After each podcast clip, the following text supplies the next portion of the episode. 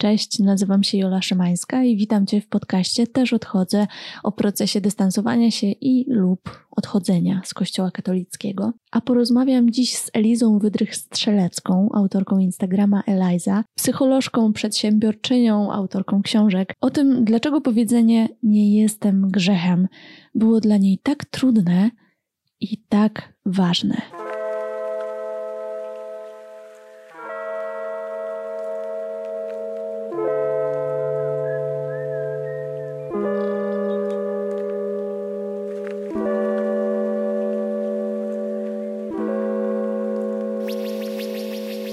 Cześć Eliza. Dzień dobry, witam. Może jak oficjalnie, no cześć. Powiedz mi, jak ty się czujesz y, z tym tematem i z moim zaproszeniem do podcastu o odchodzeniu czy dystansowaniu się do kościoła? Pomysł na podcast uważam za absolutnie genialny. Natomiast y, jak sobie wczoraj siedziałam wieczorem i tak sobie myślałam o tych zagadnieniach, o których mniej więcej y, rozmawiałyśmy, to już mnie złapało napięcie w brzuchu i dzisiaj wstałam rano już, już z takim naprawdę potężnym e, napięciem, potężnym bólem brzucha. Więc to jest temat, który robi mi coś cały czas. Mm, wczoraj sobie tak myślałam o tych zagadnieniach, przypominałam sobie, je lubię sobie napisać, e, jakby ja lepiej myślę pisząc.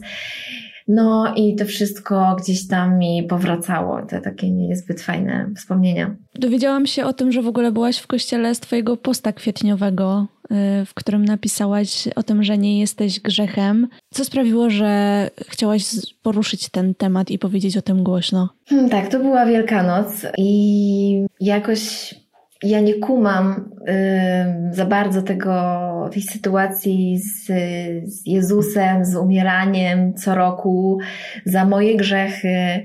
I przyszło do mnie właśnie takie stwierdzenie, że ja nie jestem grzechem i nie trzeba za mnie umierać, bo bardzo długo ten grzech y, był częścią mnie. Ja byłam grzechem całe swoje życie do 28-9 roku życia i teraz tak bardzo nie jestem nim, więc jak ktoś mi mówi, że ktoś umarł za moje grzechy, to się wściekam.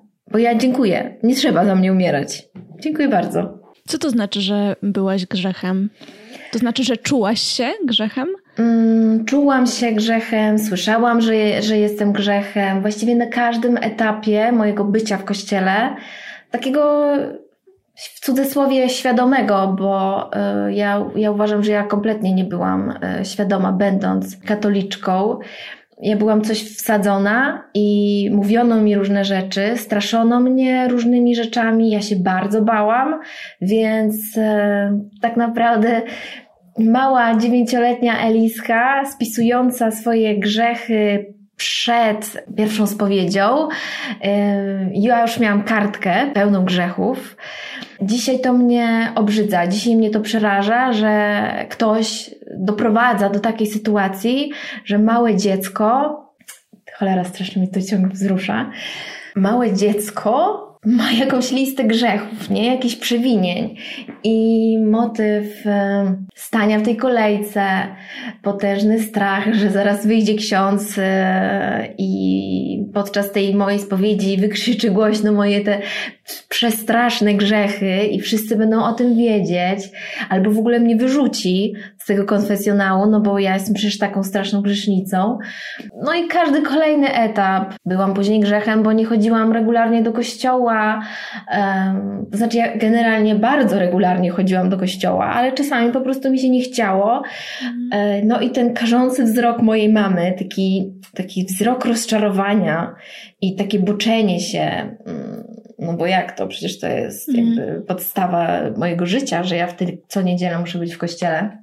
Więc jak mi się zdarzyło odważyć i nie pójść, bo to naprawdę ja musiałam wtedy bardzo się odważyć, żeby taką decyzję podjąć, bo yy, u nas w domu to było wielkie przewinienie. Żeby nie pójść do kościoła w tak, niedzielę, tak? Tak, więc kolejne, kolejne rozczarowanie, tak, kolejne e, poczucie winy. Ja sobie to tak myślę, że to były takie cegiełki, które od małego ktoś, e, różni ludzie, tak, bo to niekoniecznie w moim domu, zaczęli wkładać na moje plecy, podpisane różnymi przewinieniami i ja już od tego malucha dźwigałam to wszystko na swoich małych, wątłych barkach i dźwigałam je do, do no, 20, myślę, 8 roku życia. Ten grzech generalnie on się przejawiał cały czas. Potem, jak już byłam w związku z moim ówczesnym, znaczy ówczesnym, obecnym mężem, no to temat seksu przedmałżeńskiego był oczywiście potężnym grzechem. Potem, jak już wzięłam ten ślub i pomyślałam sobie, kurde, wreszcie wyswobodzę się od tego paskudnego grzechu, nie będę już miała tego grzechu, no to wjechał kolejny grzech, czyli antykoncepcja. I znowu to samo. I, i, i znowu grzech. A potem myśli, czy ja w ogóle chcę być matką, czy ja w ogóle chcę wchodzić w macierzyństwo. I pamiętam, że ja od gdzieś tam gimnazjalnych lat pytałam się mamy, czy co jeżeli kobieta nie chce mieć dziecka? No to zawsze słyszałam, że to jest jej rola, to jest jej obowiązek, że w ogóle nie ma takiej opcji, że jeżeli, jeżeli ktoś wow. tego nie robi, to jest kolejny grzech, tak? I, I znowu sobie myślałam, ale te kobiety mają przerąbane, bo oczywiście wtedy miałam taki mindset, że ja na pewno będę miała, no bo ja na pewno e, się nie sprzeciwię te, tej mojej roli. Dzisiaj, w tym momencie mojego życia, sprzeciwiam się tej roli, ale jak zaczęłam się jej sprzeciwiać już wcześniej, to oczywiście kolejne poczucie winy na moich już dorosłych barkach, że znowu jestem oblepiona od stóp do głów tym grzechem i pamiętam, wiesz, takie, właśnie wczoraj zaczęły mi takie flashbacki wracać z przeszłości, kolejne takie grzechy yy, moje, w cudzysłowie, bo ja dzisiaj w moim słowniku słowo grzech w ogóle nie, nie ma czegoś takiego, więc ja jak mówię grzech, to proszę wszystkich, żeby wsadzili sobie to w, w cudzysłów. Tak. Mm, pamiętam, jak byłam w kościele i miałam iść do komunii, ale byłam w grzechu, więc wiedziałam, że nie mogę, ale wiedziałam, że tam jest moja mama, która będzie patrzeć, czy ja stoję w tej kolejce, czy nie. Więc dla mnie ważniejsze było nie rozczarowanie jej i pójście do tej y, komunii za świadomością, że przyjmuję świętokradzką komunię. W ogóle jakie to słowo jest złowrogie, nie? jest w nim coś po prostu strasznego. I ja mimo tego przyjęłam tę świętokradzką komunię, a to jest przecież jeden, no nie wiem, chyba z większych jakichś tam grzechów, więc ja już wtedy sobie myślałam, że ja to już na bank idę do piekła prosto do piekła, że dla mnie już nie ma nadziei, e, że co bym nie zrobiła i co bym w ogóle nie wymyśliła, jak bardzo bym nie przepraszała, to to jest tak potężne. Ja nie wiem, ja miałam chyba 10-12 lat wtedy, byłam ma małym dzieckiem, ale tak mi to wjechało na banie, że ja już całe życie, e, to i wiele innych oczywiście rzeczy, ja byłam pewna, że ja jestem grzechem. I też to sobie przypomniałam, komunia e, pierwsza, czyli zapraszacie Jezusa do swojego serca. Mm -hmm, to mm -hmm. serce musi być czyste. E, no, to, to wyobraźcie sobie, że to taki jest dom dla Jezusa. Więc moje serce w moim odczuciu zawsze było czarne jak smoła. Zawsze. Wow. Więc... Nawet przed pierwszą komunią. No tak, bo ja już wtedy z listą grzechów stałam i ja już wiedziałam, że to są straszne przewinienia, że, że, że też, też pamiętam jakoś mi bardzo coś robiło we mnie w ogóle piekło i to, że tam się, ja tak, tak nie wiem, czy ja tak byłam uczona, czy ja po prostu tak słyszałam, że tam się idzie raz, na zawsze, na wieczność. I ja się tak zawsze zastanawiałam, ile to jest ta wieczność. Nie potrafiłam tego ogarnąć swoim wtedy rozumkiem i przytłaczała mnie ta myśl, że to musi być jakoś strasznie długo, tak niewyobrażalnie wręcz, że ja nawet sobie nie potrafię tego wyobrazić. No i ja byłam pewna, że ja idę prosto do piekła, bo też patrzyłam na moją mamę, która była taką wzorową katoliczką, taką samarytanką bym ją nazwała, mm, mhm. poświęcającą, zawsze dla kogoś, zawsze w kościele, w jakichś grupach, ważna osoba. Wszyscy zawsze mówili, że wszyscy się radzili jej. I ja jej mówiłam, mamo, wiesz co, ty to na bank idziesz do nieba.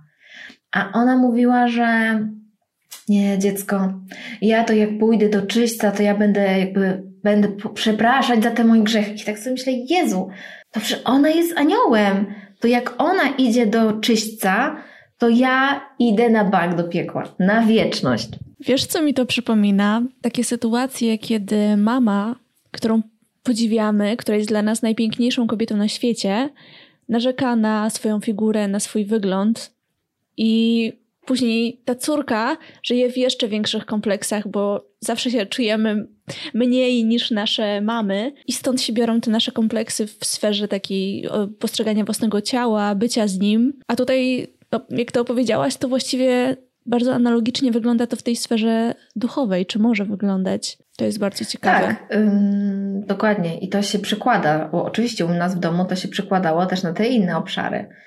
Ym, więc to jest stopro, to co mówisz. Czy ja dobrze rozumiem, e, że ty jesteś w kościele od dzieciństwa, czyli od najmłodszych lat, tak? Tak, tak. Po prostu wychowałaś się w katolickiej rodzinie. Tak, tak. U nas jakby no nie było in, innej opcji. E, religia katolicka była zawsze jedyną, słuszną, właściwie jedyną, jedyną, umówmy się, była jedyną religią tego świata. I jeżeli ktoś e, wierzył w innego Boga, czy wyznawał inną religię, był innowiercą, co dla mnie było synonimem, był zły, był niebezpieczny i po prostu był grzeszny, tak? On na bank idzie do piekła. I szkoda mi było tych ludzi, e, bo tak sobie myślałam, że biedni ludzie wiedzą, wierzą sobie w jakiegoś swojego Boga albo wielu bogów. Nawet jeżeli są po prostu dobrymi ludźmi, no to trudno, idą do piekła. A jak wspominasz swoje dzieciństwo, jeżeli chodzi o tę sferę religijną? Kim był dla ciebie Bóg, kiedy byłaś małą Elizą? Mm, Bóg, jakiego mi przedstawiono, był Bogiem surowym, E, karzącym, sprawiedliwym, e, no i takim bez litości. Takim, który wszystko widzi, który wszystko słyszy, nawet moje myśli. E, nie ma jakby przed nim gdzie się schować, przez co jestem narażona na to, że myślą, mową i uczynkiem znowu grzeszę. I straszono mnie mm, Bogiem, straszono, ale tak też, ale tym diabłem, szatanem, mm. że on, wiem, byłam zła, to złość jest zupełnie natur, czymś naturalnym i mnie nie wolno było się złościć, bo to było szatańskie. To pochodzi od szatana słyszałam takie teksty, zły działa. E, nie wiem, jak byłam nastolatką, która się buntuje, chociaż ja nie miałam czegoś takiego jak klasyczny bunt nastolatki, bo przecież ja nie mogłam czegoś takiego robić, mm. umówmy się. Ale jeżeli gdzieś tam coś tam mi się nie podobało i miałam odwagę powiedzieć o tym, to było, że zły, zły przeze mnie przemawia, więc ja, ja byłam przesiągnięta, jakby ja czułam, że to zło jest cały czas gdzieś we mnie, koło mnie. Um... Że żyjesz cały czas w takim dużym, wysokim zagrożeniu, ryzyku. Tak, tak, tak. I że zapłacę za to wysoką cenę, bo to wszystko ktoś widzi. Mhm. I wyobrażając sobie, ja, ja się ostatnio na tym złapałam, że leciałam sobie samolotem i patrzyłam na te piękne widoki z góry i przypomniałam sobie moje myśli z przeszłości, że myślałam sobie, aha, czyli jak teraz jest jakaś, nie wiem, kraksa, y, samolot spada na ziemię, wszyscy umieramy, to ja w tym momencie teraz idę do piekła. I to była słaba perspektywa. Taka, taka zmiana, jaką dostrzegłam, to było to, że ja patrzyłam po prostu na te, na te piękne chmury, e, piękne widoki i czułam się wolna i czułam się cudem i czułam się dobrem. I to ja się, ja się rozpłakałam wtedy w tym samolocie, jak to do mnie dotarło, bo to jest jednak coś potężnego dla osoby, która całe życie czuła się grzeszna i całe życie widniało nad nią jakieś piekło, e, a teraz po prostu no, uwolnić się od tego, no to ja dobrze wiem, jaka to była droga. To, I to nie była łatwa droga. Jeszcze o niej na pewno porozmawiamy, ale mhm. chciałabym jeszcze wrócić właśnie do tego czasu, kiedy byłaś y, dorastającym dzieckiem y, w kościele. Byłaś zaangażowana też w kościół. Jak, jak funkcjonowałaś właśnie, nie wiem, w parafii? Byłam y, dosyć zaangażowana mm, z racji tego, że moja mama też zawsze coś tam w kościele robiła i by mi było tam po prostu jakoś blisko. Mm, chodziłam na schole Mhm. Bardzo lubiłam śpiewać i jak tak sobie dzisiaj pomyślę o jakiejś rzeczy, która była fajna w kościele, to jedną, jedyną rzeczą, jaką mogłabym wymienić, to było właśnie śpiewanie, to była schola, ale to było też po prostu śpiewanie z ludźmi yy, głośno. Ja uwielbiałam niektóre piosenki, ich linie melodyczne. Yy, ja też bardzo lubiłam śpiewać, więc no to było dla mnie super ekstra. Ja czasami pamiętam, że ja jedyną rzeczą, jaką yy, wiedziałam, że już muszę iść do tego kościoła, to jedyną rzeczą, jaką, jaka mnie trzymała przy tym, że dasz radę, to było właśnie to, że sobie pośpiewam na całe gardło i, i będzie super. Pamiętam, że był jakiś taki etap, jakiejś oazy, ale nie pamiętam tego dokładnie. Chyba się szybko z tego wycofałam. Natomiast ja pamiętam, że ja miałam taką e, grupę znajomych, że myśmy się spotykali często właśnie w kościele. Nie wiem, tak hmm. jakbyśmy mieli, nie wiem, nie moglibyśmy się spotykać gdzieś tam po zbroku czy coś tam, ale wiedzieliśmy, że jest na przykład właśnie okres Wielkanocy i tam bardzo dużo się w kościele ściało, jakieś tam były czuwania do późna, takiego naprawdę, bo to nawet całą noc chyba tam było um, otwarte, oczywiście my całą noc nie siedzieliśmy, ale naprawdę do późna, więc u rodziców miałam, no excuse me, jestem w kościele, więc wszystko super, ale tam się odbywały normalnie y, rendezvous, więc to, to było, y, to fajnie to wspominam. No i pamiętam to chodzenie do kościoła takie, takie konieczne, nie? Takie, takie niefajne. Te schole prowadził ktoś świecki czy ksiądz? Świecki. Zawsze. To były jakieś fajne osoby, którym tak, też można było tak, zaufać? Tak, to były fajne dziewczyny. Myślę, że tak, mm, tak około 18 roku życia, więc one były naprawdę um, takie cool i fajnie było tam chodzić i ksiądz tam nie miał za bardzo nic do gadania jakby w tym, w tym naszym zgrupowaniu. Nie, nie pojawiał się tam, nie, mm. był, nie był obecny w ogóle. A w szkole twoi rówieśnicy byli głównie wierzący? Wszyscy byli wierzący? Tak, absolutnie. Okay. Wszyscy. Nie było osoby, która nie chodziłaby na religię. Zresztą ja jakoś super wspominam religię w podstawówce, bo mm. miałam bardzo fajnych księży. Wszyscy ich strasznie lubiliśmy, tak, tak na maksa, na maksa, więc to było, to było bardzo fajne. To był fajny etap. Co było w nich takiego fajnego? Wiesz co, chyba dawali nam uwagę i wiesz, nie, nie, pamiętam tego, ale oni byli po prostu tacy bardzo cool. Myśmy się nie mogli na tę religię mm. doczekać. E, to byli po prostu fajni, oni byli, to byli młodzi faceci, którzy chyba naprawdę lubili to, e, co robią, lubili dzieci i sprawiali, że myśmy się chcieli o tej religii uczyć, że uczyć, no tam rysowaliśmy rysunki Jezusa pewnie e, i Maryi, ale no, że wiesz, że to było od fajnej strony nam pokazuje, że to może być fajne po prostu, ten temat. Czułaś się grzechem, ale wierzyłaś w to, że to jest jednocześnie fajny temat. To, był, to była jakaś dla ciebie motywacja, żeby się jednak tego trzymać, bo, bo może to być fajne? Mm, wiesz co, jak ja byłam w podstawówce, to ja nie wiedziałam, że to, że ja jestem grzechem, to jest coś złego, nie? Ja po prostu nim byłam. Ja miałam tę całą listę grzechów, ja miałam grzechy, które się powtarzały. Już dzisiaj po terapii patrzę na te swoje grzechy, w cudzysłowie oczywiście, z takim biedne dziecko. Biedne dziecko, że nikt wtedy nie wiedział tego, co ty przeżywasz, że nie dał ci tego, czego ty potrzebowałaś, nie wsparł cię, nie dał ci czy nawet jakiejś tam specjalistycznej pomocy, bo u mnie było coś takiego, że kiedy popełniałam jakiś taki właśnie grzech społecznie nieakceptowalny, to nikt nie doszukiwał się przyczyn tego, nie? Źródła takiego zachowania u dziecka.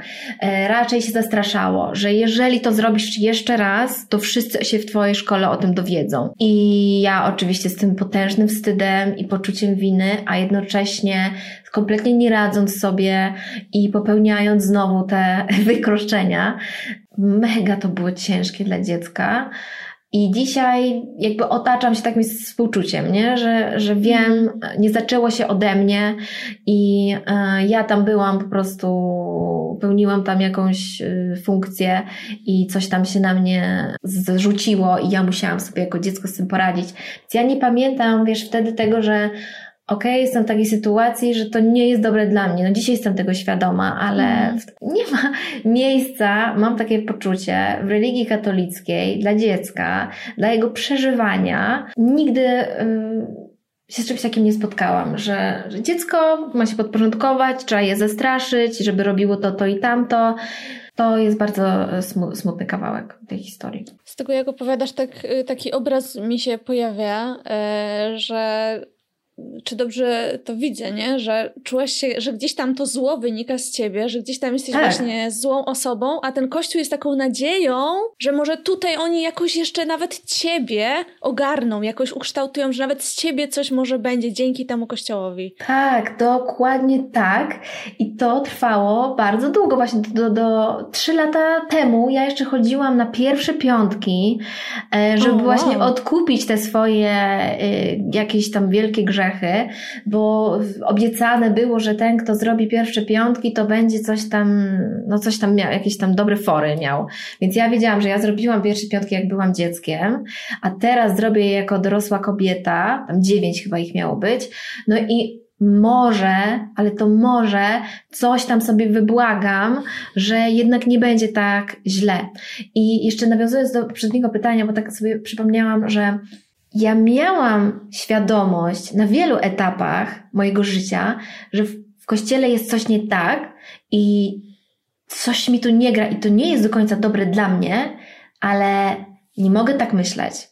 Nie mogę o tym mówić głośno, nie mogę wątpić, bo słyszałam zawsze, że samo wątpienie jest już grzechem i jak wątpię, to wpuszczam do siebie tego szatana i on tam działa, więc ja nie mogłam wątpić. Zadawanie pytań kończyło się tym, że są pewne pytania, na których odpowiedzi nigdy nie poznamy i nie drąż, nie ma tam nic więcej, zaufaj, ktoś to tutaj wie lepiej, więc ja miałam świadomość, nie podobały mi się pewne rzeczy, ale przez bardzo długi czas nie wiedziałam, że ja w ogóle mogę z tego wyjść, że ja w ogóle mogę głośno powiedzieć, nie podoba mi się to i nie powinno tak być. Nie miałam w ogóle takiej myśli w głowie. Nie miałam odwagi, żeby w ogóle pomyśleć, że ja mogę tak pomyśleć. Mm. Więc no. Pamiętasz, od kogo słyszałaś, że wątpliwości są grzechem? No, od mamy. No. Okej. Okay. Rozmawiałam ostatnio e, z księdzem, z tak zwanym fajnym księdzem, e, i rozmawiałam z nim o tych wątpliwościach. I on powiedział, przecież wątpliwości są bardzo ważne, one są w ogóle potrzebne, one są rozwijające. I zadałam mu pytanie, czy zdaje sobie sprawę z tego, że bardzo mm, mało osób w kościele mówi o tym i że prawie nikt z osób będących w kościele takiego zdania nie usłyszał. Jakby nie, on nie widział problemu, bo przecież to jest oczywiste i przewrócił oczami. Mhm. No, ciekawe. Dlatego właśnie zapytałam, skąd, skąd o tym słyszałaś, bo każdy z nas bał się tych wątpliwości, każdy mhm. z nas gdzieś tam, każdy z nas mówię o, o sobie, o rozmówcach tego, mhm. z tego podcastu.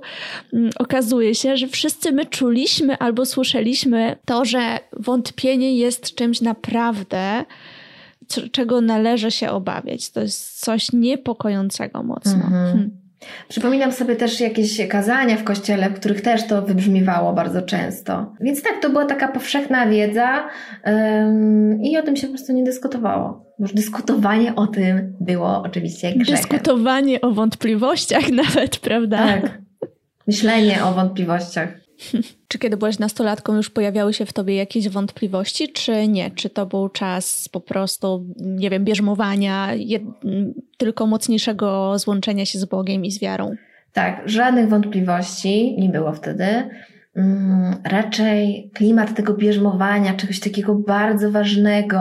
Ja nie rozumiałam jakby powagi tej całej sytuacji. Ja nie rozumiałam tego nigdy, tak naprawdę. Ja patrzyłam na moją mamę, która z potężną powagą to wszystko traktowała. Um, nawet um, jakiś taki element podczas mszy, gdzie jest jakieś wyniesienie, nie wiem, czy Ducha Świętego, czy coś. I też pamiętam, jak mama oceniała zachowania innych ludzi, że zobacz, to jest tak ważny moment, a oni na przykład gadają. I ja sobie się, wow, okej, okay, to jest jakiś, to jest to jest złe. Więc nigdy nie, nie gadam w tym momencie, albo w ogóle, w ogóle nie gadam, wiadomo, że... Ale pamiętam, że to bierzmowanie było takie właśnie, czy właśnie tego Jezusa do serca. I, jest, I mnie to przerażało, szczerze, jako małe dziecko, że ja mam jakiegoś w ogóle Jezusa zaprosić w ogóle do swojego serca, gdzie tam jest taki syf i, i wiadomo, i, i ta czarna mm. smoła. E, potem bierzmowanie, tak tam chodziło z, o coś z Duchem Świętym, że, że w, z kolei wpuszczam Ducha Świętego. A ja się Ducha Świętego też trochę zawsze bałam, bo kiedyś usłyszałam, że jest coś takiego jak grzech przeciwko Duchowi i Świętemu i to jest grzech, który, że Jezus gdzieś to powiedział, że ten grzech nie zostanie w ogóle odpuszczony. A jakbyśmy sobie prześledziły te grzechy, jakie one się tam y, kwalifikują, to tak naprawdę wszystko można pod to podciągnąć. Więc ja miałam świadomość, że ja zapewne wiele tych grzechów przeciwko Duchowi Świętemu popełniłam one są absolutnie niewybaczalne, bo sam Jezus y, gdzieś to mówił, no więc e, mam lipę. I nawet to zaproszenie tego Ducha Świętego, który przecież gro, jakby jest dla mnie jakimś synonimem znowu wiecznego piekła i cierpienia i tych jakichś najrozmaitszych sposobów nękania e, w piekle, był taki, kurde, no nie do końca się ciebie, mm, nie do końca ciebie chcę, ale wiem, że bez ciebie to ja nie będę miała, nie będę mogła wziąć ślubu kościelnego. Więc, mm-hmm. no i też oczywiście nie mam jakiegoś w ogóle wyboru, że ja mogę tego nie chcieć. Że to jest wielka sprawa, przyjeżdża jakiś biskup, czy chyba biskup. Tak, tak, tak. I że to jest uroczyste i że w ogóle trzeba mieć jakiegoś świadka, e, no i cała rodzina się zjeżdża, no big deal. Więc sorry Eliza, ale nie masz tutaj w ogóle nic do gadania i chodzisz na te spotkania z księdzem przygotowujące cię do tego Ten podcast nie mógłby powstać bez wsparcia moich matronek i patronów w serwisie Patronite, dlatego każdy odcinek jest dla nich dostępny z tygodniowym wyprzedzeniem. Jeżeli tylko chcesz wesprzeć moją pracę i poznać innych ludzi, którym na niej zależy, możesz do nich dołączyć na patronite.pl/jola Zapraszam. Powiem Ci, że właśnie tutaj w międzyczasie szukałam y, definicji tego grzechu przeciwko Duchowi Świętemu i też to pamiętam, że właśnie to było takie niedookreślone, nie wiadomo mhm. było nigdy do końca e, o co konkretnie chodzi, ale że to jest takie najstraszniejsze. Tak. Ale są takie graficzki, jak się wpisze to hasło. W ogóle jak wpiszesz w Google grzech, to to jest trzecia rzecz, którą ludzie wyszukują, rozumiesz? To, czy, trzecia czy czwarta, więc to e, nie, tylko dużo ja się osób bałam. się tego boi, tak, tak. Widzę, że powtarzają się tutaj, powtarza się tutaj sześć takich punktów. Co to znaczy? Że grzechy przeciwko Duchowi Świętemu. Jeden, grzeszyć zuchwale w nadziei i miłosierdzia Bożego. Nie mam pojęcia, co to znaczy. To jest właśnie czyli taka nowa mowa. Tak, czyli wszystko. No. Dwa, rozpaczać albo wątpić w łaskę Bożą, czyli to, co no. powiedziałaś, wątpić. Tak. Wątpić. I to nie jest wtedy normalny grzech, to jest grzech przeciwko Duchowi Świętemu. Niewybaczalny. Czyli najgorszy. Trzy, sprzeciwiać się uznanej prawdzie chrześcijańskiej. czyli no wszystko to, znowu. Witamy serdecznie. Cztery, nie życzyć lub zazdrościć bliźniemu łaski Bożej. 5. Mieć zatwardziałe serce na zbawienne natchnienia. Oh, Znowu, to jest po prostu taka nowomowa albo staromowa. 6. Umyślnie zaniedbywać pokutę aż do śmierci. No ja wiele razy nie odmówiłam pokuty i poszłam do spowiedzi mówiąc, pomijając w ogóle ten fragment, więc kolejny. A spowiadałaś się z tego, że nie wypełniłaś pokuty? Tak, a czasem nie, bo się bałam, że dostanę opierdziel, więc kolejny okay. grzech, bo szukałam księdza. Mm -hmm. Błędne koło. Po prostu tyle oszustw. No. A spowiadałaś się kiedyś z tego, że przyjęłaś komunię w, bez łaski uświęcającej, czy wolałaś nie? Ja chyba tego nie powiedziałam nigdy. Ja się mm. bałam w ogóle, wiesz, nawet sobie przypomnieć, nie? Bo wiedziałam, że to jest od okay. razu do piekła idę, więc ja nie powiedziałam o tym nikomu. Okej. Okay. Pierwszy raz to mówię tu. Ojej. Liczę na zbawienie. Słuchaj, a jak mówiłaś o tym, że twoja mama mówiła, że w pewnym momencie mszy właśnie należy właśnie cicho być, skupić się na tym, co się dzieje na ołtarzu, to ja pamiętam takie taki film, takie opowieści jakiejś mistyczki, nie wiem jakiej, która właśnie mówiła o tym, że miała taką wizję od Boga. To jest normalnie wszystko uznane przez Kościół katolicki i tak dalej, że miała taką wizję od Boga, że jest właśnie w kościele i że widzi duszę, że widzi ludzi jak naprawdę są, siedzą, a jednocześnie widzi ich duszę. Czyli że kto jest skupiony na tej mszy, a kto nie, kto tak naprawdę jest zaangażowany w to, co się dzieje na mszy, a kto nie. I tam było właśnie, ktoś próbował to na takim filmiku, taką grafiką zwizualizować, nie, że właśnie jak jest to przemienienie chyba, tak, czyli y, opłatek zamienia się w ciało y, i krew Chrystusa, to wtedy ona mówiła, że Jezus chce, żebyś nie tylko był skupiony na tym, co się dzieje, ale że też patrzył cały czas jakby w ten opłatek, yes. że to jest takie najważniejsze, że właśnie to skupienie się, że właśnie jeszcze z tymi całymi mistycznymi opowieściami, w ogóle mhm. spotkałaś się kiedyś z takimi różnymi mistycznymi e, wizjami i mistycznymi fantazjami tego typu? Wiesz co, cuda gdzieś tam u mnie w domu gra, mhm. grały ważną rolę, były takim potwierdzeniem e, tego wszystkiego i naj, naj, e, największym potwierdzeniem było już wtedy to, kiedy nawet wiel, najwięksi naukowcy na świecie nie potrafili czegoś tam wytłumaczyć, co było już takim excuse Dowodem. Me, dowód taki, że nie jest w ogóle podważalny.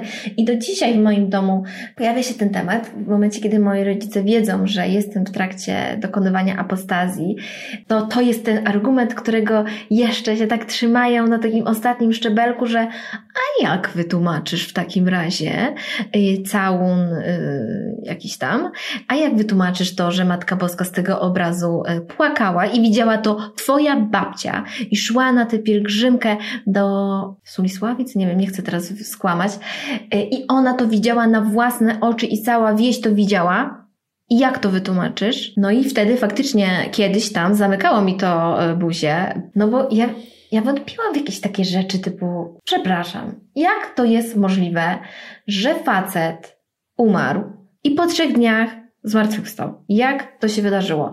Jak to jest możliwe, że kobieta zaszła w ciążę, nie uprawiając seksu, urodziła dziecko i pozostała dziewicą? z nienatkniętą e, błoną dziewiczą. Jak to jest możliwe, że takie rzeczy się działy i jak to jest możliwe, że ludzie w to wierzą. I jakby zadałam, zadałam to pytanie mojej mamie i ona mówiła, to są dogmaty. Kropka. Nie ma, okay. nie ma dyskusji dalej. No, nie dyskutujesz z tym. No i dla mnie to było takie, nie kupuję tego. No i jeszcze są te, jak właśnie się rozmawia z kolei z księżmi yy, na te tematy, którzy tam siedzą e, głębiej w teologii niż przeciętny powiedzmy magister teologii, yy, to oni mówią, nie, no to no jakby te dyskusje o tej błonie dziewiczej, to jest w ogóle, to mnie mega bawi, że dyskusja o błonie dziewiczej w jakiejś głębokiej teologii to jest w ogóle przedmiot jakiś, nie wiadomo ile księży pisze prace jakieś habilitacyjne mm. na ten mm. temat, wyobrażasz to sobie? Ciekawe. Że właśnie, że to nie jest takie oczywiste, że to jest cały czas dyskusja, że coś tam, że coś tam. Niesamowite. Ale może przynajmniej troszeczkę coś o biologii kobiecego ciała księże się nauczą w ten no, sposób. Czy osoby zajmujące się tym naukowo. Okej, okay, a jakie cuda? O jakich cudach? Bo powiedziałaś o całunie turyńskim i powiedziałaś tak, o... Um, o obrazach płaczących. O płaczących obrazach, okej. Okay. No, o, o tej trójce dzieci, którym się Maria objawiła. Medjugorje, Fatima? Tak, Fatima. O, o, oba te y, miejsca. Mm. Ojciec Pio, jego dar bilokacji, umiejętność bilokacji, czyli bycia mm. w dwóch miejscach naraz. Jak się nazywają te... Mm... Rany na rękach i nogach na wzór Chrystusa. Tak, tak. On to wszystko tam miał. W ogóle my, w myślach czytał ludzi. No, to była ważna postać w moim domu, taka właśnie bardzo ważna. A potem coraz więcej się tych y, jakichś takich świętych osób pojawiało. Y, zawsze tak mnie dziwiło, że te kobiety święte mhm. y, to są zawsze właśnie takie, no kurde, naprawdę miały ciężkie życie. Pamiętam, że zawsze sobie tak myślałam, że nie, ma, nie znam świętej Elizy, więc jakby miałabym jakieś szanse na bycie pierwszą, ale jednocześnie bardzo dziękuję za takie hardkorowe sytuacje w życiu i chyba jednak podziękuję, że jednak chyba nie chcę być świętą. No, te, te cuda, ci święci mm, byli w moim domu obecni, byli takim potwierdzeniem tego, że to wszystko to jest prawda i nie, no nie zadawaj więcej pytań, no bo masz już takie tutaj argumenty, że to chyba już ci wystarczy. Mm. Więc mhm. to, to faktycznie zawsze było dla mnie takie... A ci najsłynniejsi naukowcy, o których wspomniałaś, to jakoś y, nie wiem, te osoby, z którymi rozmawiałaś, czy rodzice, czy inne osoby, oni mówili o nazwiskach na przykład tych naukowców, czytali te badania, czy to jest bardziej takie powiedzenie, najwięksi naukowcy i nie wiadomo, co za tym nic, się kryje? Absolutnie nic nie wiadomo, okay. a nawet taka zabawna sytuacja była chyba w Sokółce, gdzie też gdzieś tam odkryto tkanki serca, y, też czy, czy, przy jakimś obrazie, czy, czy gdzieś to leżało i jakaś właśnie pani doktor oceniła, że to jest tkanka ludzkiego serca i oczywiście cud y, wielki w Sokółce, wszystkie tak. pielgrzymki, a później się okazało, że to była tkanka końskiego serca i że to jest tam na miejscu jedna wielka beka, ale no poszło i w świat. No tak. I naukowcy nie, nie wierzyli w ogóle w sytuację. Studiowanie psychologii coś zmieniło, kiedy poznałeś e, te różne mechanizmy, kiedy uczyłaś się o psychologii grupy, o psychologii tłumu czasem? Nie, mm, ponieważ ja nie kwestionowałam w ogóle religii katolickiej i okay. ja nawet wtedy, tak uczona, stawiałam ją wyżej niż jakąkolwiek naukę. To były tematy takie sporne i dla mnie był tam duży zgrzyt, ale jednak, umówmy się, całe życie w tym byłam, całe życie w tym tkwiłam i takie nagłe zwątpienie i zakwestionowanie tego w młodym wieku, myślę, że bez wsparcia psychoterapeuty byłoby dla mnie czymś druzgocącym, zatrzęsłoby mi się całe życie w posadach i mogłoby to źle wpłynąć na moje zdrowie psychiczne. Tak myślę, więc to mnie bardzo chroniło przed tym, bo myślę, że nie, absolutnie nie byłabym gotowa zderzyć się e, z taką prawdą, jaką dzisiaj znam. Więc nie, też temat y, ewolucji. Darwina, tak? Tak. I Człowiek y, tutaj powstał szóstego dnia, Bóg go stworzył, potem sobie odpoczął, wcześniej te wszystkie planety, a tutaj nagle, że Ziemia powstała z wielkiego wybuchu. I tutaj, excuse me, coś mi tutaj yy, nie gra, ale oczywiście zero pytań. I ja wtedy pamiętam, że ja to uznawałam, po prostu są dwie prawdy. Nauka musi mieć jakąś swoją, bo ci naukowcy muszą tam coś tam sobie powymyślać. No, no ale... muszą sobie jakoś poradzić, tak, prawda? Jakoś... Nie, nie, znają tej prawdziwej Dokładnie. prawdy. Nie, naukowcy zawsze ja, też chyba byli mi przedstawiani naukowcy jako takie osoby bezduszne, niewierzące w Boga i muszące sobie coś właśnie wytłumaczyć, coś odszukać, coś znaleźć, oczywiście na siłę. I to było wszystko naciągane. A tutaj mamy historię mm, religii, która tam już tyle lat. No i umówmy się, no nie, nie, nie ma dyskusji z tym. No. Mówiłaś online o swojej wierze kiedyś? Kiedy byłaś wierzącą tak, osobą? Tak. Ja y, mówiłam, że właśnie tutaj moi drodzy, tutaj w niedzielę idę do, idę do kościoła, tutaj na pierwszy piątek i pamiętam, że pamiętam, że zrobiłam jakieś taką pogadankę o tym, jak bardzo nie podoba mi się, że jakieś tam gwiazdy się nawracają i one nagle tak jakby od, od, odlatują w kosmos i używają tych wszystkich słów takich jakby ksiądz mówił. I ja tak sobie myślałam, Jezu, dlaczego nie można wierzyć w Boga i w tę religię i po prostu mówić po ludzku. Mówiłam, a nie głosiłam. Zobaczyłam, a nie miałam objawienie. Y, pomyślałam, a nie zesłał na mnie Duch Święty swoją złotą myśl i bardzo mi się nie podobało to, w jaki sposób one, y, oni to mówią, że tak jakby to jest jakaś groteska, że to y, sprawia, że normalni ludzie, w cudzysłowie, czują, że wow, to jest jakiś w ogóle klimat chory. Więc ja miałam taką misję, żeby pokazać to po prostu w sposób normalny.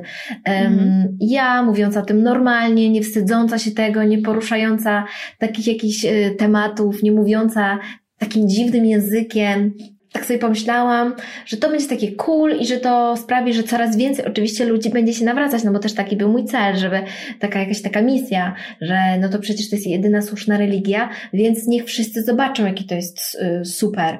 I faktycznie tak było, że niektórzy mi pisali, że wow, ale w ogóle ty pokazujesz to w jakiś taki inny sposób, taki normalny i jak widzę, że ty chodzisz do kościoła i mówisz, że ci to pomaga, to ja też poszłam ostatnio. Więc część była taka, że ale super, jesteś po naszej stronie, piąteczka, y, szczęść Boże i tak dalej.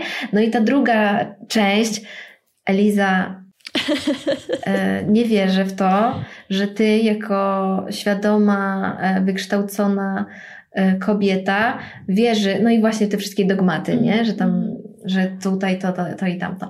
No i tak sobie myślałam, wow, kobieto małej wiary, są rzeczy, o których nawet tutaj nikt nie wie, więc wow, jak w ogóle masz odwagę mówić coś takiego. Już od razu sobie myślałam, jest biedna, już ma grzech. Z samej Złościło tej... cię to, czy bardziej smuciło? Chyba w to i to. Mhm. No i takie miałam współczucie do niej, nie? że no, współczuję, że jesteś w takim momencie, życzę ci nawrócenia. A mówiłaś to, czy tylko myślałaś? Mówiłam. Um, był też taki moment, w którym mój mąż zaczął kwestionować to wszystko. Um, przestał chodzić do kościoła, wściekł się na te wszystkie um, sytuacje w kościele, tuszowanie pedofilii, jakieś tam finansowe klimaty i to jeszcze coś takiego było, że bardzo blisko nas jest ksiądz, który szukał sobie parafii, czyli tam przydzielono mu parafię i jemu się tak średnio ta parafia podobała i była taka propozycja, że jeżeli on chce lepszą, no to musi zapłacić biskupowi i on faktycznie to zrobił. E, tam jego rodzina się zwróciła i, i zapłacili. I to było coś takiego, to nie była opowieść e, przeczytana gdzieś tam od kogoś z mhm. dziesiątej ręki, tylko to była informacja z pierwszej ręki od gdzieś tam osób w naszym kręgu. I chyba to było coś takiego, że mój mąż już nie mógł dłużej patrzeć na, na te instytucje, spojrzał na to jak na instytucję e, i bardzo się zbuntował, przestał chodzić do kościoła, a a on był taki, że właśnie co niedziela, e, co wieczór klękał do pacierza i był taki bardzo e, religijny. Mm, I on przestał. I oczywiście co zrobiłam ja? To wszystko, co robiono mnie. Czyli zastraszanie, wywieranie poczucia winy, zero wsparcia, zero, po prostu minus miliard, to co, jaka ja wtedy byłam. Ja pamiętam, że to było dla mnie tak wielkie wydarzenie, że on tak jakby wycofuje się z kościoła katolickiego i z całej tej jakby religii. Ja byłam przerażona tym, że ja będę żoną kogoś takiego, że jak ja w ogóle sobie teraz z tym poradzę. Ja się zastanawiałam nawet nad tym, że ja chyba nie mogę być żoną mm, takiego człowieka. Pamiętam, że myślałam sobie, że ja nie, zostałam oszukana że, ja, że nie tak, że ja wychodziłam za kogoś innego, tak? Ta religia przecież była zawsze w moim życiu taka turboważna, bo, bo, bo tak mi powiedziano, że ona ma taka być. I nagle najbliższa mi osoba e, zmienia gdzieś tam jakieś swoje wartości i schodzi na złą stronę. Bałaś się? Bardzo się bałam. Bałam się o jego duszę.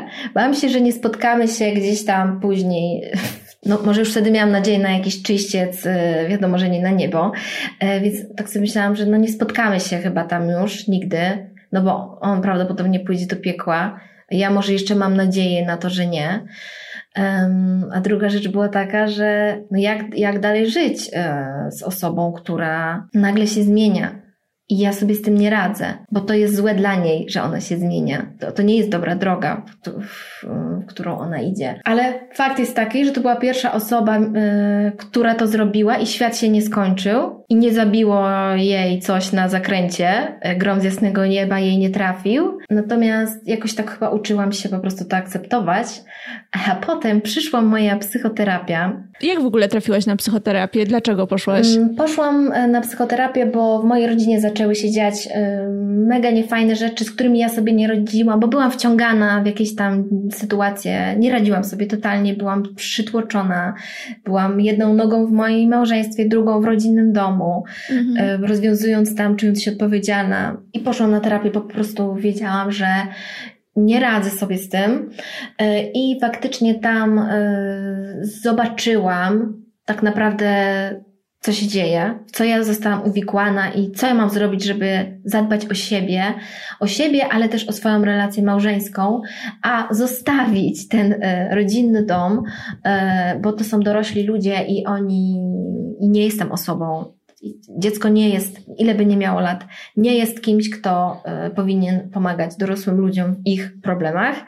E, więc dowiedziałam się tego wszystkiego, ale na terapii też zaczęłam słuchać siebie i rozróżniać to, co jest moje, od tego, co zostało mi narzucone i rozróżniać te narzucone rzeczy, bo niektóre z nich były spoko i mi służyły w tym momencie życia i były fajne, ale była lista takich, które były dla mnie bardzo złe które robiły mi źle po prostu.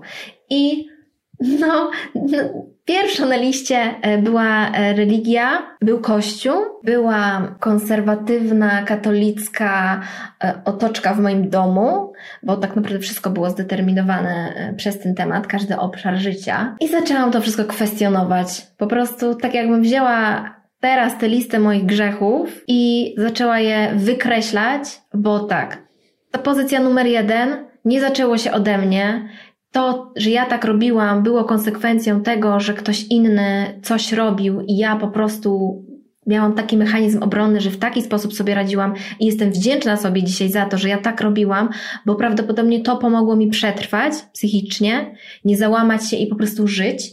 Więc każdy z tych grzechów, każda z sytuacji, każdy z obszarów rozkładałam na czynniki pierwsze i nagle zaczęłam tak jakby zrywać z siebie albo wyrzucać tych swoich barków te cegiełki poczucia winy, te łatki różne, grzesznica, jawnogrzesznica. Pamiętam też taka, taka sytuacja. Jeszcze przed ślubem miałam być chrzestną e, córki mojego brata, mhm. ale z racji tego, że ksiądz wiedział, że ja mieszkam z partnerem przed ślubem i jestem jawno grzesznicą, to dostałam bana na to, żeby być chrzestną i nie mogłam nią być. Ale on cię tak nazwał jawno tak, grzesznicą? Tak, tak, tak. I, I też mówił o tym później jeszcze, jak już tam podpisywaliśmy jakieś coś tam przed ślubem, coś tam, coś tam i też właśnie powiedział mi to jasno, że jestem jawną grzesznicą z racji tego, że mieszkam przed ślubem. A czy twój y, partner y, usłyszał, że jest nie, jawną grzesznikiem? Nie, nie. Ja, ja byłam jawną grzesznikiem, jawną grzesznicą. I y, dostałam ultimatum, że przestaję mieszkać z moim mężem, a to były dwa miesiące mniej więcej do naszego, czy trzy miesiące do naszego ślubu. Wtedy mam zgodę na bycie chrzestną. I nie mogłam przecież zawieść brata i go rozczarować i całej mojej rodziny. E, nie mogłam też nie mieszkać z moim mężem, bo no ledwo co przeprowadziliśmy się do naszego nowego mieszkania i nie było takiej opcji, żebym ja się, nie wiem, wyprowadziła. To, by, to była kwestia dodatkowych kosztów i w ogóle no jakiejś abstrakcyjnej sytuacji, ale ja oczywiście zrozumiałam powagę sytuacji i dobrze mnie nastraszono, a poczucie winy zrobiło swoje, że obiecałam, że będziemy mieszkać w dwóch różnych pokojach, że nie będziemy w ogóle jakby spać w jednym łóżku bo to już jest y, wielkie, wielka, wielkie niebezpieczeństwo, tak. więc dostałam zgodę na bycie tą chrzestną. Natomiast przed naszym ślubem odbyła się specjalna msza na której byłam tylko ja i Mateusz i nasi rodzice.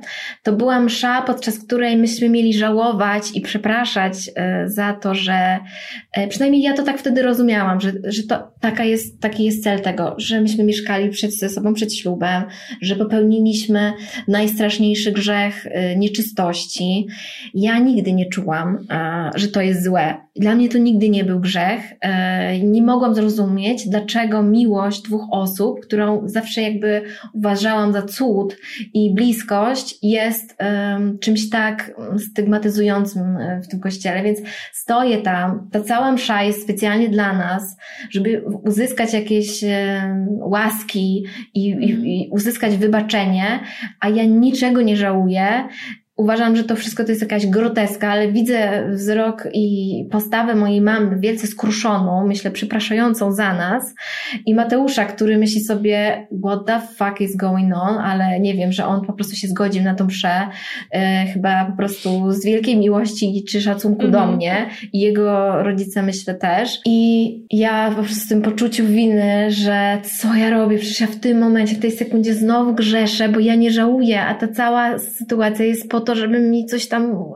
Więc no, znowu jakieś w ogóle straszne historie. E, poczucie winy napędzane przez poczucie winy. Tak. Ile miałaś wtedy lat? 24. Mhm. Natomiast oprócz jeszcze poczucia winy, to było też zastraszanie, bo cały czas słyszałam, że przez to, że mieszkam z mężem przed ślubem, to każda jakaś, nie wiem, nasza kłótnia, każdy jakiś kryzys, co jest zupełnie czymś naturalnym w, w związku, absolutnie naturalnym, było tłumaczone to tym, że szatan działa, dlatego, że myśmy go kiedyś wpuścili do naszych serc, czy tam do naszych, Jezu. nie wiem, ciał.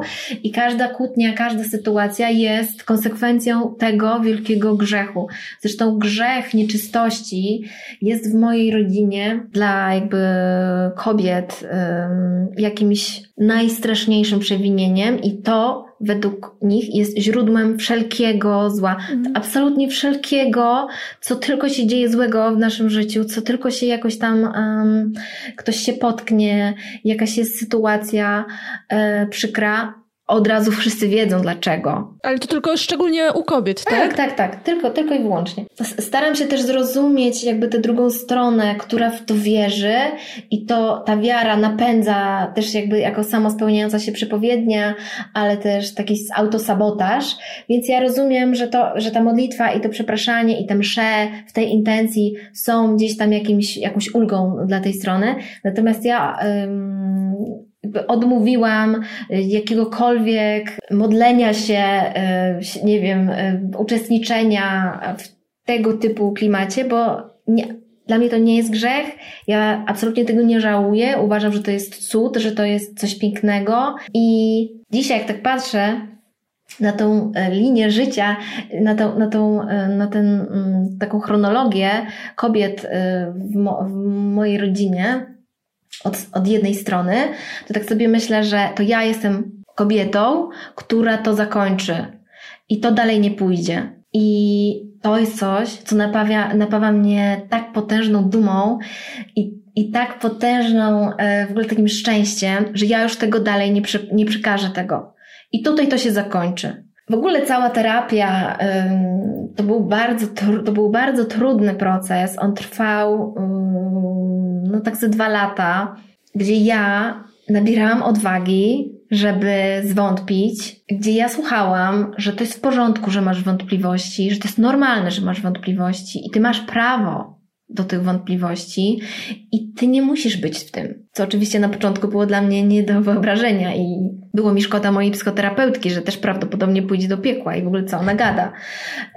Ale z każdym spotkaniem coraz bardziej otwierałam się na tę myśl, że mogę odejść z czegoś, co mi nie służy, mogę odejść z czegoś, co mnie krzywdzi i jest źródłem um, poczucia winy, kompleksów, bardzo wpływa negatywnie na moje zdrowie psychiczne, uniemożliwia mi budowanie mojej własnej tożsamości, uniemożliwia mi odcięcia pępowiny od rodziny i uniemożliwia mi samodzielne myślenie, uniemożliwia mi słyszenie siebie. I ja to wszystko na tej terapii zrozumiałam, ja siebie usłyszałam, ja zaczęłam budować własną tożsamość, sama zaczęłam sobie decydować I oczywiście, że słyszałam z drugiej strony, to nie może być tak, że ty sobie coś wybierasz z tej religii, a coś sobie nie wybierasz, bo albo bierzesz to wszystko, albo nie jesteś katoliczką i nie nazywaj się tak. Mówiono mi, że nie mam prawa e, się nazywać katoliczką. Ja na początku jeszcze nie chciałam rezygnować zupełnie z tej religii. Um, była okej okay na ten moment dla mnie. Trochę tam było dużo dziwnych rzeczy, ale generalnie no całe życie w tym byłam. Tak. I jak myślałam, że jak odetnę ten kościół i, to, i przestanę po prostu tam chodzić, no to jeszcze będzie w porządku, ale y, na tamtym etapie tak myślałam i bardzo mnie złościło, że nagle ktoś mi pisze, że nie nazywaj się tak, nie jesteś taka, jesteś taka i ktoś mi próbuje zaszufladkować albo mi coś wyperswadować, absolutnie.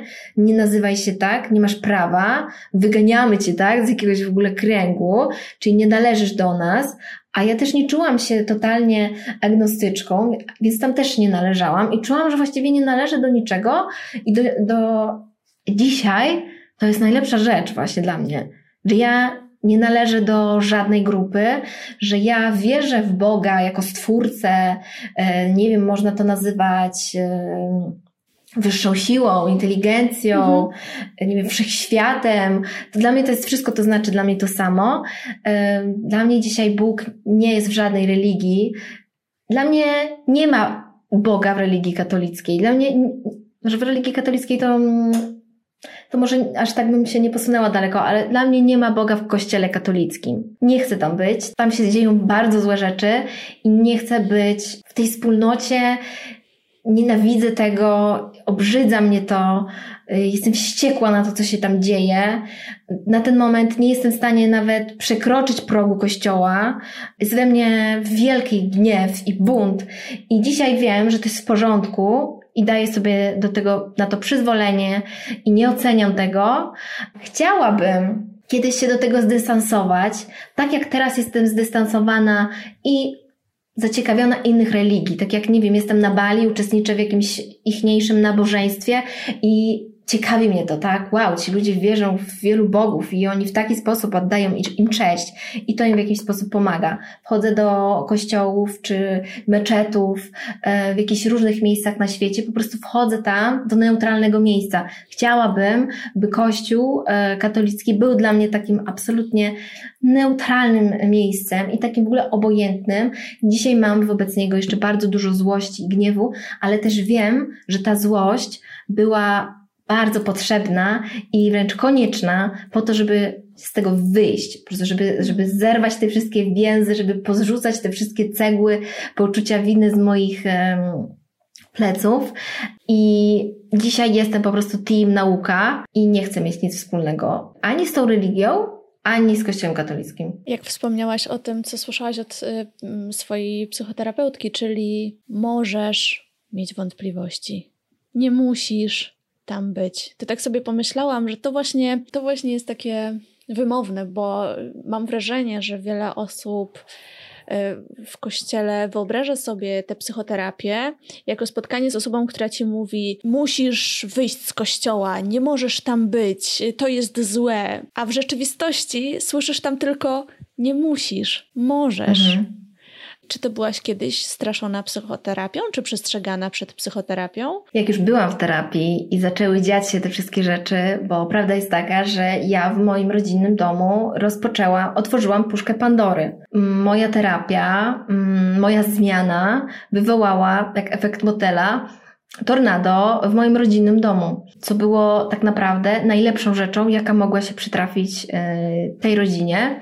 I przybijam sobie pionę, że y, ja to y, zapoczątkowałam. Y, jak już właśnie już był ten najbardziej gorący okres. Ja zaczęłam konfrontować z moimi rodzicami to wszystko, z czym nie jestem ok, wszystko, co się wydarzyło e, w dzieciństwie, gdzie mnie skrzywdzono, e, co, przed, co dzisiaj muszę nosić na barkach, albo właśnie, że muszę nawet być w tej, e, muszę, nie muszę, jestem w tej psychoterapii po to, by wyleczyć pewne obszary, przepracować przekonania, pozbyć się różnych lęków, właśnie przez to, co się wydarzyło. I Oczywiście nie trzeba tego konfrontować, tak, z rodzicami. Można sobie samemu y, i z terapeutą przejść przez ten y, etap.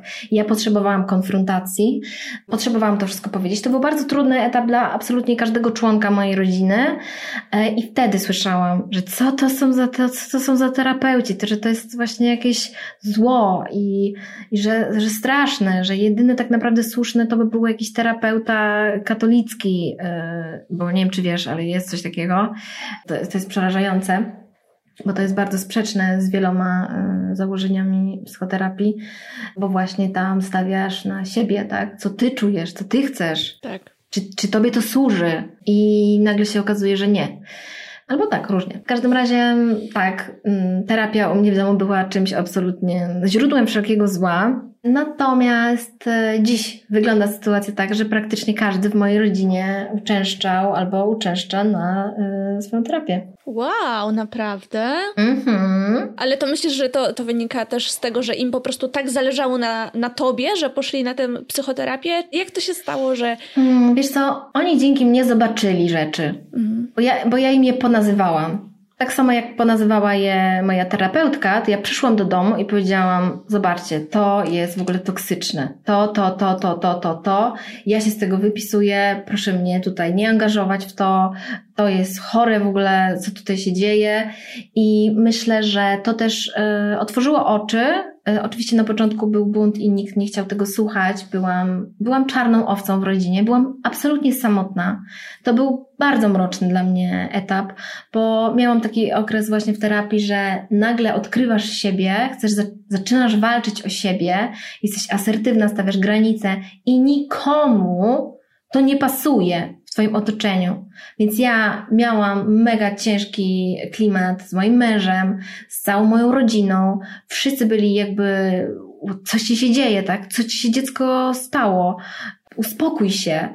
I na początku każdy wypierał to wszystko i, i ja byłam tą najgorszą.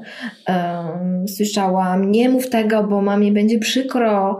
Jak możesz mamy tak ranić, tak? Nikt nie myślał wtedy w ogóle o tym, że hej, ja teraz występuję w roli ofiary, bo o mnie tutaj w tym momencie chodzi i nie dam sobie teraz zamknąć ust i powiem wszystko, co chcę, bo właśnie w tym momencie pierwszy raz w życiu staję w swojej obronie e, i to jest bardzo ważny dla mnie etap budowaniu własnej tożsamości. Więc początki były straszne. Natomiast, e, tak jak mówię, to była najlepsza rzecz, jaka się przy, przydarzyła e, ro, mojej rodzinie jako takiemu systemowi. Moje relacje z rodzicami były dramatyczne. Ja się bałam jeździć do domu, ja nie chciałam z nimi rozmawiać. Dla mnie to było zagrażające, bo się bałam, że znowu wejdę w ten schemat, jaki był, a wiedziałam, jak bardzo to na mnie źle działa. Potrzebowaliśmy wszyscy dwóch lat o to, by każdy gdzieś tam sam sobie coś przemyślał, uzyskał też pomoc, jeżeli jej e, potrzebował od I na przykład dzisiaj moja relacja z mamą jest zdrowa przede wszystkim, jest super fajna. Lecimy sobie teraz e, razem na Majorkę. Zaprosiłam mamę na takie wakacje, gdzie ja był taki rok, gdzie ja w ogóle nie chciałam rozmawiać ani widzieć moich rodziców. Więc budujemy zdrową relację, stawiamy granice tam, gdzie ciągle one są potrzebne, mówimy stop, jeżeli ktoś się zapędzi, e, szanujemy swoje wybory. To też była długa droga do tego, żeby. Myślę, że moi rodzice nie zaakceptują e, tego, że ja wycięłam się z, z tej religii, z kościoła, mhm. bo dla nich to jest coś absolutnie strasznego i też rozumiem ich, że oni gdzieś tam boją się o mnie, tak? Mm, według ich religii e, ta ekskomunika, e, niemożliwo, niemożność pogrzebu z księdzem, czy mm, ochrzczenia dzieci. Dokładnie, czy bycia w ogóle chrzestną, czy pochówku na cmentarzu. Podejrzewam, że dla nich to są jakieś w ogóle dramaty. E, natomiast dzisiaj już jest tak, że szanujemy to, ja szanuję ich religię, nie oceniam tego, widzę, że im to pomaga, dobrze się w tym czują i gdzieś tam wzrastają w tym i to jest super i życzę, żeby każdy miał coś takiego, co, co pomaga mu wzrastać i, i być, nie wiem, lepszym człowiekiem. Jeżeli coś takiego religia katolicka i kościół tak na nich działają, spoko. E, na mnie zupełnie nie i ja sobie dzisiaj ja sobie dzisiaj wybieram, co ja chcę. Ja sobie dzisiaj śpiewam mantry, e, ćwiczę sobie jogę, mimo tego, że zawsze słyszałam, że to jest zagrożenie duchowe. Uwielbiam niektóre piosenki, e, które znam z kościoła, ale jeżeli teksty są takie, że nie przełknę tego, to ich po prostu nie śpiewam. I takim, dla mnie takim manifestem, oprócz tej konfrontacji z rodzicami, powiedzenie im, słuchajcie, mhm. odchodzę, mm było ściągnięcie krzyża ze ściany, no bo przecież tak się walczy o to, żeby wszędzie, w każdym pokoju, w każdej instytucji, w szkołach, tak, ten krzyż jest najważniejszy, więc u mnie też w domu on był. I jest taka piosenka, nie zdejmę krzyża z mojej ściany, choćby mi umrzeć trzeba, choćby ktoś tam mi groził, kat morderca, to ja go nie zdejmę, nie? Więc ja zdjęłam ten krzyż ze ściany, śpiewając tę piosenkę, bo uważam, że ma fantastyczną linię melodyczną e, i wyrzuciłam to e, do kosza. Jak coś bez, dla mnie bez żadnej wartości. Tak kiedyś symbol najważniejszy, symbol przed którym uginały się kolana, przed którym, e, który błagałam, płakałam i e, gdzieś tam modliłam się, żeby coś tam, coś tam. Tak dzisiaj to jest dla mnie jakiś taki w ogóle jest to coś dziwnego, że jest krzyż i wisi na nim człowiek i ma przebite gwoździami stopy i ręce i jeszcze coś leci mu krew i w ogóle dla mnie to jest takie już trochę nie do ogarnięcia w mojej głowie. A po drugie to jest coś, co straciło moc, czemu ja odebrałam moc, mm bo to nie straciło moc. Mm. Ja, mu te, ja moc te, temu odebrałam i to się stało po prostu czymś bez wartości. I to też było symboliczne dla mnie, że ja to wyrzuciłam do kosza, a nie wsadziłam do szuflady, nie dałam komuś, czy nie wiem, nie oddałam, bo dla mnie to było właśnie istotne, żeby to wyrzucić, jak coś, e, co mi nie służyło, co, co całe życie robiło mi bardzo źle na głowę, przez co dzisiaj, czy przez ostatnie lata mm, byłam w terapii i bardzo dużo mnie to kosztowało. To była bardzo trudna przeprawa, przez co miałam problemy ze sobą, w związku. Wyrzuciłam to do kosza, bo już nie chcę tego w swoim życiu i w swoim otoczeniu. I co wtedy czułaś? Um, ulgę i dumę, ale gdzieś tam um, z, z, w głowie miałam, o kurde, to jest, według tej religii to jest takie najgorsze, że nic tylko grom z jasnego nieba. E, no i słuchajcie, ciągle żyję. Nie było gromu? Nie. Jak zareagowali twoi odbiorcy, kiedy zaczęłaś dawać sygnały, że tak dużo się u ciebie zmieniło? O, zmieniłaś się. Przecież jeszcze niedawno chodziłaś na pierwsze piątki i mówiłaś, jaka ty, ty jesteś religijna, jak bardzo dużo ci ta um, religia daje. Ale jesteś chorągiewka, teraz mówisz tak, niedługo będzie modne coś innego i też pewnie przejdziesz na buddyzm czy coś tam.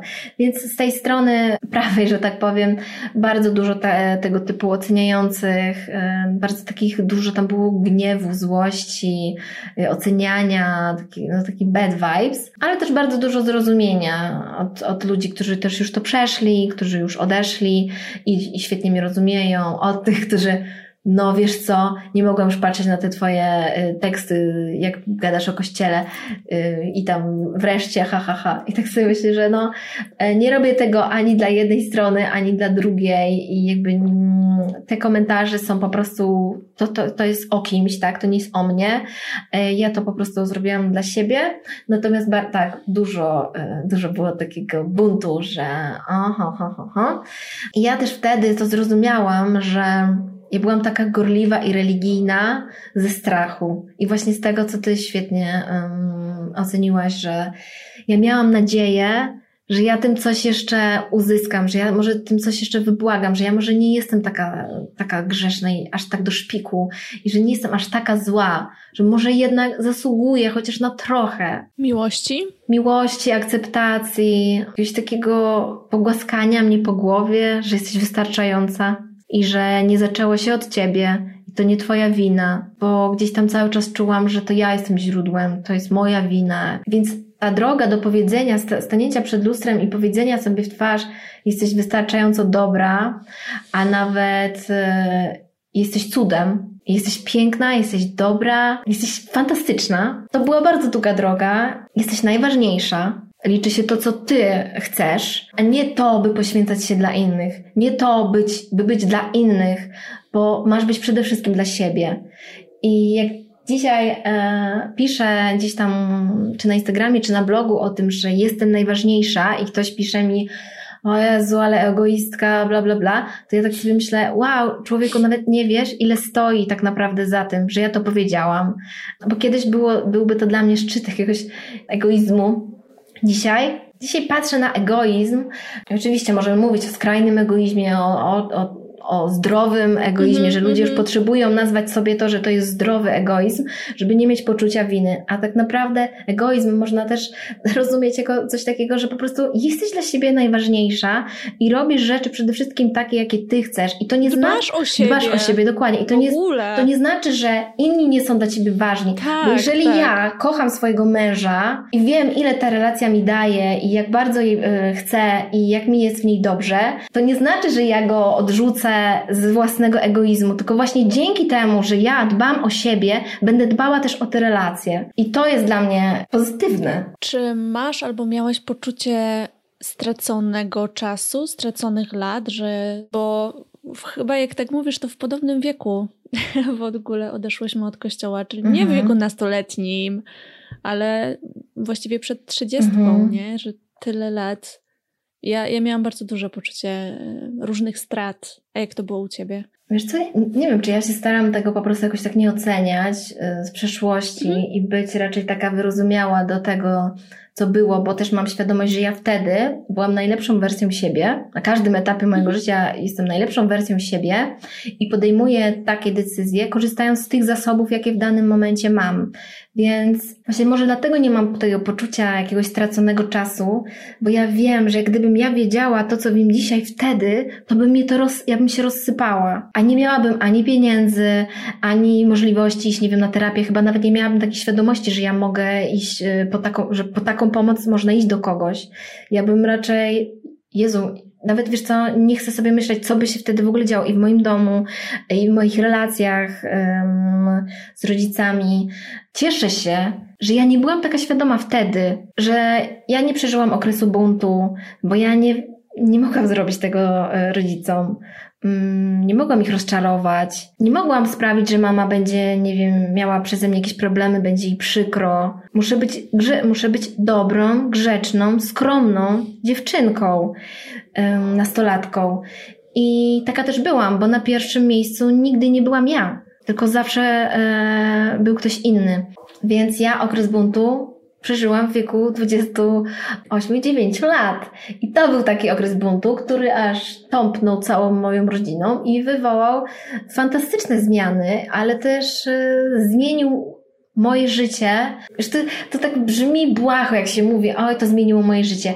Ale to, czego ja się o sobie dowiedziałam, jaką ja wiedzę, ja, ja zdobyłam tak spektakularną wiedzę, tak niewiarygodnie potężną wiedzę o sobie, o relacjach, o mojej rodzinie, o moim mężu, o moim zdrowiu psychicznym, moich mechanizmach obronnych. Ja jestem po prostu wyposażona dzisiaj w takie narzędzia.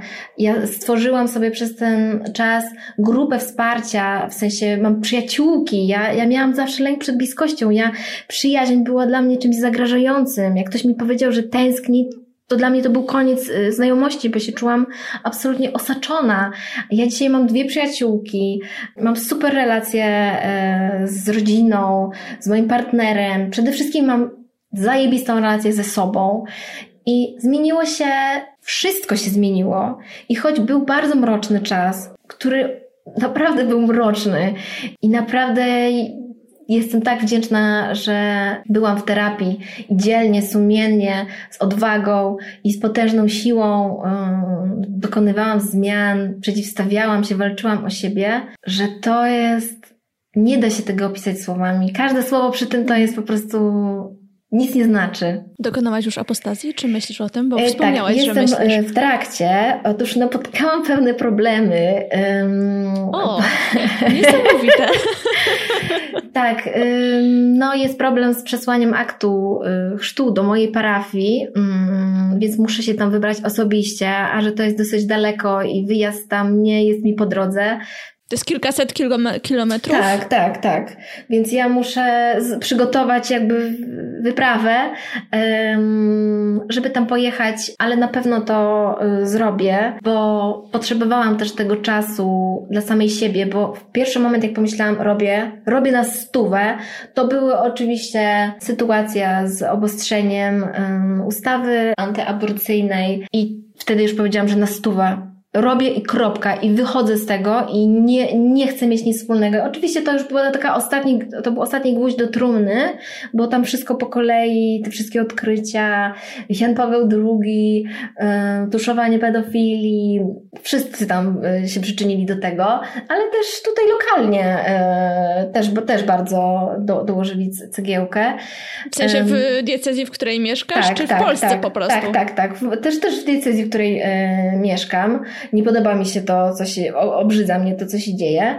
I podjęłam taką decyzję, ale to, co zaczęło się dziać po podjęciu tej decyzji było ciekawe, bo czytałam sobie o tym, co mi grozi w cudzysłowie. Tak jak z komunika, nie będę mogła być chrzestną, nie będę mogła pełnić jakiejś tam funkcji, bla, bla, bla. I nie będzie pogrzebu i pochówku katolickiego. I tego nie mogłam jakoś przejść. Mhm. Bardzo długo. Przerażało mnie to, że jak to? Ja gdzieś będę, nie wiem, leżeć na jakimś komunalnym cmentarzu, w ogóle, już wyobraziłam sobie taką cie, ciemno, w ogóle nikogo tam nie ma, tylko w ogóle ten, ten, ten grób taki smutny i mój tylko jeden.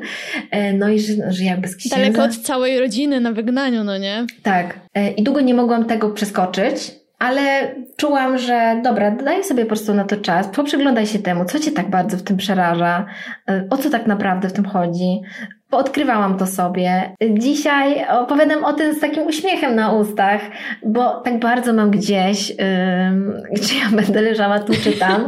Nawet jak pisali do mnie ludzie, że słuchaj, byłam na pogrzebie, w którym był po prostu mistrz ceremonii i to był najprzepiękniejszy pogrzeb, na jakim byłam, a nie, no Boże, czasami jak byłam na pogrzebach i ksiądz mówił po prostu takie rzeczy, mm. że, to, że to był po prostu dramat. A tam to jest nastawione na, na to, żeby otoczyć tych ludzi opieką, opieką, żeby mówić dobrze o, o, tej osobie i żeby ta ceremonia była po prostu jakaś taka dobra, a nie jakaś porąbana. Natomiast dzisiaj mam to totalnie gdzieś raczej chciałabym, żeby moje organy, jeżeli się nadadzą, e, żeby sobie poszły na jakieś cele medyczne i nie interesuje mnie to w ogóle, jakby to, przepracowałam to i e, już mam tak, że nic mnie tam absolutnie nie przeraża. Miałam oczywiście taki moment, że bałam się bardzo rozmowy z proboszczem, tak o tym, mm, bo mm. czytałam wiele różnych e, mm, rozmów, jak to wyglądało i co oni tam robią i tego się bałam, bo miałam jeszcze taki szacunek do autor ja generalnie mam tak, że jak jest jakiś autorytet, to ja tak od razu kulę uszy i taka jestem mała. Natomiast też to już sobie przerobiłam na terapii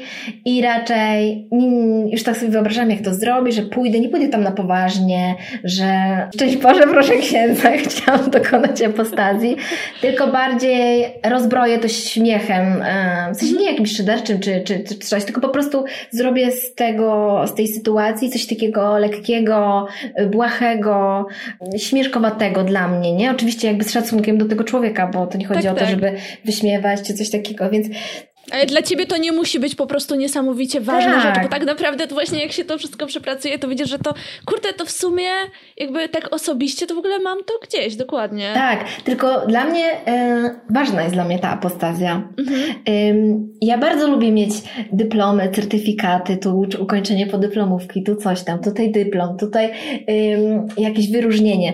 I to byłby dla mnie taki papierek, że dziękuję, do widzenia, proszę mnie wypisać y, z tego tego, y, nie chcę, nie jestem tego częścią i tutaj proszę do, mojego doteczki, chowam to.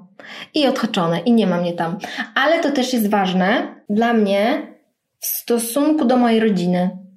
Chcę im pokazać, że sorry, it's official. Ekskomunika, nie ma powrotu, nie możecie zrobić mi tego, tamtego, powiedzieć to czy tamto. Nie jestem w tej religii, szanuję to, że wy w nią wierzycie i jesteście w niej. Ja proszę bardzo, takie pismo, y, koniec, kropka. Potrzebuję tego dla siebie i potrzebuję tego jako takiego potwierdzenia, że Dziękuję. Do widzenia. Mhm. Taki um, ważny dyplom. Kolejny tak. ważny dy dyplom. Tak, tak. Ja jestem zbieraczem. Słuchaj, przeczytam Ci teraz e, kilka zagrożeń. E, często się słyszy takie ostrzeżenia, e, kiedy mhm. się chce odejść z kościoła, czy jakoś ktoś odczyta to, że chyba jakieś tu wątpliwości się e, niepokojące pojawiają. Rzucane są często wtedy takie ostrzeżenia. Kiedy odejdziesz z kościoła, to i tutaj następują właśnie mhm. one. Będę ci je czytać i bardzo jestem ciekawa, czy się z nimi spotkałaś. Okay. Pierwsze. Kościół to najpiękniejsze miejsce na świecie. Bez niego czy poza nim no nie da się tak naprawdę żyć, a wspólnoty, które są w nim, y, to są naj, też najpiękniejsze, najważniejsze wspólnoty, które robią prawdziwe dobro. Tak. Spotkałaś się? Tak. Może nie aż tak, że to jest takie absolutnie przepiękne i najlepsze, ale tak, w kościele jest dobro, w kościele jest źródło, a te grupy czynią dobro, one są bardzo potrzebne, tak. W kościele są najwspanialsi ludzie i tylko tu znajdziesz prawdziwych przyjaciół. Będziesz samotny poza, będziesz samotna poza kościołem. Nie. Poza kościołem nie ma sakramentów. tak. Tak, spotkałam się. Bałaś się tego? Nie, bo tak sobie myślałam, no dobra, ale w kościele są, więc jakby tutaj już mam jakieś tam, ja sobie myślałam, że to są takie jak eliksiry, wiesz, w Harry Potterze, że wypijasz eliksir i już to masz w środku i to ci chroni przed całym tym mhm. złym światem. Tylko w kościele jest prawda, Bóg i miłość. Tak. Poza kościołem doświadczysz pustki. Tak. Doświadczyłaś pustki poza kościołem? Poza kościołem doświadczyłam właśnie wypełnienia. Pustka yy, była w kościele. Co dla ciebie oznaczała pustka? Hmm. Brak mnie, brak mojego zdania, brak tego, czy ja to chcę, czy nie brak w ogóle, nie było tam mnie. Były tam powsadzane sakramenty, były tam powsadzane y, modlitwy, coś, y, księża, ale nie było tam miejsca w ogóle dla mnie, na moje przeżywanie, na moje wątpliwości, na to, czy to jest w ogóle dla mnie dobre. Nie było tam mnie. Ostrzegano cię jeszcze przed czymś, przed kimś? No raczej właśnie, że ten grom jakiś z jasnego nieba się prędzej czy później mhm. pojawi, nie? Że to jest prędzej czy później, ale że ci to dojedzie. Fajnie się przekonać, że, że tak się nie dzieje. No, ale to wymaga czasu. To naprawdę jest proces, który wymaga czasu i wiesz co, nie wiem, czy dałabym radę sama przez to przejść. Znaczy wiem, żebym nie dała po prostu. Bez tych cotygodniowych spotkań na terapii, bez rozmawiania o tym, słuchania o tym, czego ja mogę, co jest normalne, moich pytań, ile to jeszcze potrwa. Nie miałam takich narzędzi, nie miałam takiej świ świadomości. Przeraziło mnie to wszystko, jak zaczęłam otwierać i wątpić w Kościół. Przeraziło mnie to, ile tam się kryło strachów, ile rzeczy tam na mnie czyhało, jak takie miny. Zrobiłam jedną, później dwa kroki do przodu i kolejna mina. Jak trudno było zrzucić z siebie to poczucie winy, ale ono tak schodziło kawałek po kawałku. Ja to tak od, odlepiałam od siebie. Tak jakby mówiąc to z uznaniem i szacunkiem do siebie, podkreślam, jak bardzo długi, trudny był to dla mnie proces i jak bardzo jestem wdzięczna sobie, że wytrwałam w tym, mm, że znosiłam różne rzeczy, jakie się pojawiały ze strony innych osób. Byłam przy sobie wciąż. Nie wiedziałam do czego. Były takie momenty, że nie wiedziałam, dokąd to zmierza. I czy to jest w ogóle dla mnie dobre i kiedy to się skończy? Nie wiedziałam tego, ale ufałam temu procesowi, że okej, okay, może w końcu zacznie się tutaj coś pojawiać dla mnie takiego, co powiem, okej, okay, aha, czyli to o to chodzi. No i zaczęło się pojawiać. A teraz już jest tylko to. Spotkałaś się może kiedyś, kiedy jeszcze byłaś w kościele, albo, albo nawet teraz z takimi słowami, że y, odchodzą z kościoła teraz wszyscy, bo to modne, odchodzą dla tak. mody. To jest takie proste, odchodzą dla wygody, tak, bo im tak. się nie chce. Ja też słyszałam, że, że odchodzę za szybko, że nie dałam szansy że tak naprawdę nie dowiedziałam, nie, wiesz, tak jakby, że nie było we mnie trudu jakiegoś, żeby coś przekonać się. E, cały czas słyszałam, że prawda jest jedna mhm. i jakieś życzenia, żebyś w końcu dotarła do prawdy. A ja mówię, że ja już do niej dotarłam i że jest fantastycznie mi w tej prawdzie. No, a tylko, że to nie o tą prawdę niektórym ludziom chodziło. I tak sobie myślałam, naprawdę dałam mało czasu tej religii i kościołowi na przekonanie mnie, to ja walczyłam tak naprawdę. Jak ktoś mi mówił, aha, aha tutaj zobacz, pedofilia, e, ja chodzę dla siebie, nie dla księdza, okej? Okay? Nie każdy ksiądz jest taki. I broniłam tego. Oczywiście słyszałam, jeżeli ty odejdziesz, to zobacz, będzie coraz mniej takich osób i to się załamie. I daj Boże, niech to się w takiej formie, jak jest, załamie i niech to się odbuduje na nowo, na zdrowo. Natomiast już nie ze mną na pokładzie. Bardzo dużo słyszałam. Daj, poczytaj, dowiedz się. Myślę sobie, Przecież ja w tym byłam bardzo y, głęboko. Ja, ja byłam mocno zaangażowana. Czytałaś, bo... oglądałaś 28 lat życia. Tak. I ktoś mi mówi, że to jest mało. To było wystarczająco, żeby się przekonać, że to nie jest miejsce dla mnie. Tam nie jest dla mnie dobrze. I to jest złe miejsce dla mnie. Bardzo Ci gratuluję. Y odwagi i, i tej pracy, którą, którą wykonałaś. Dzięki. Potężnej, potężnej pracy. Dzięki bardzo. Cudowny pomysł na podcast i zabroniłaś mi y, słuchać poprzednich, więc jeszcze nic nie słuchałam, ale jak skończymy, to zaraz odpalam.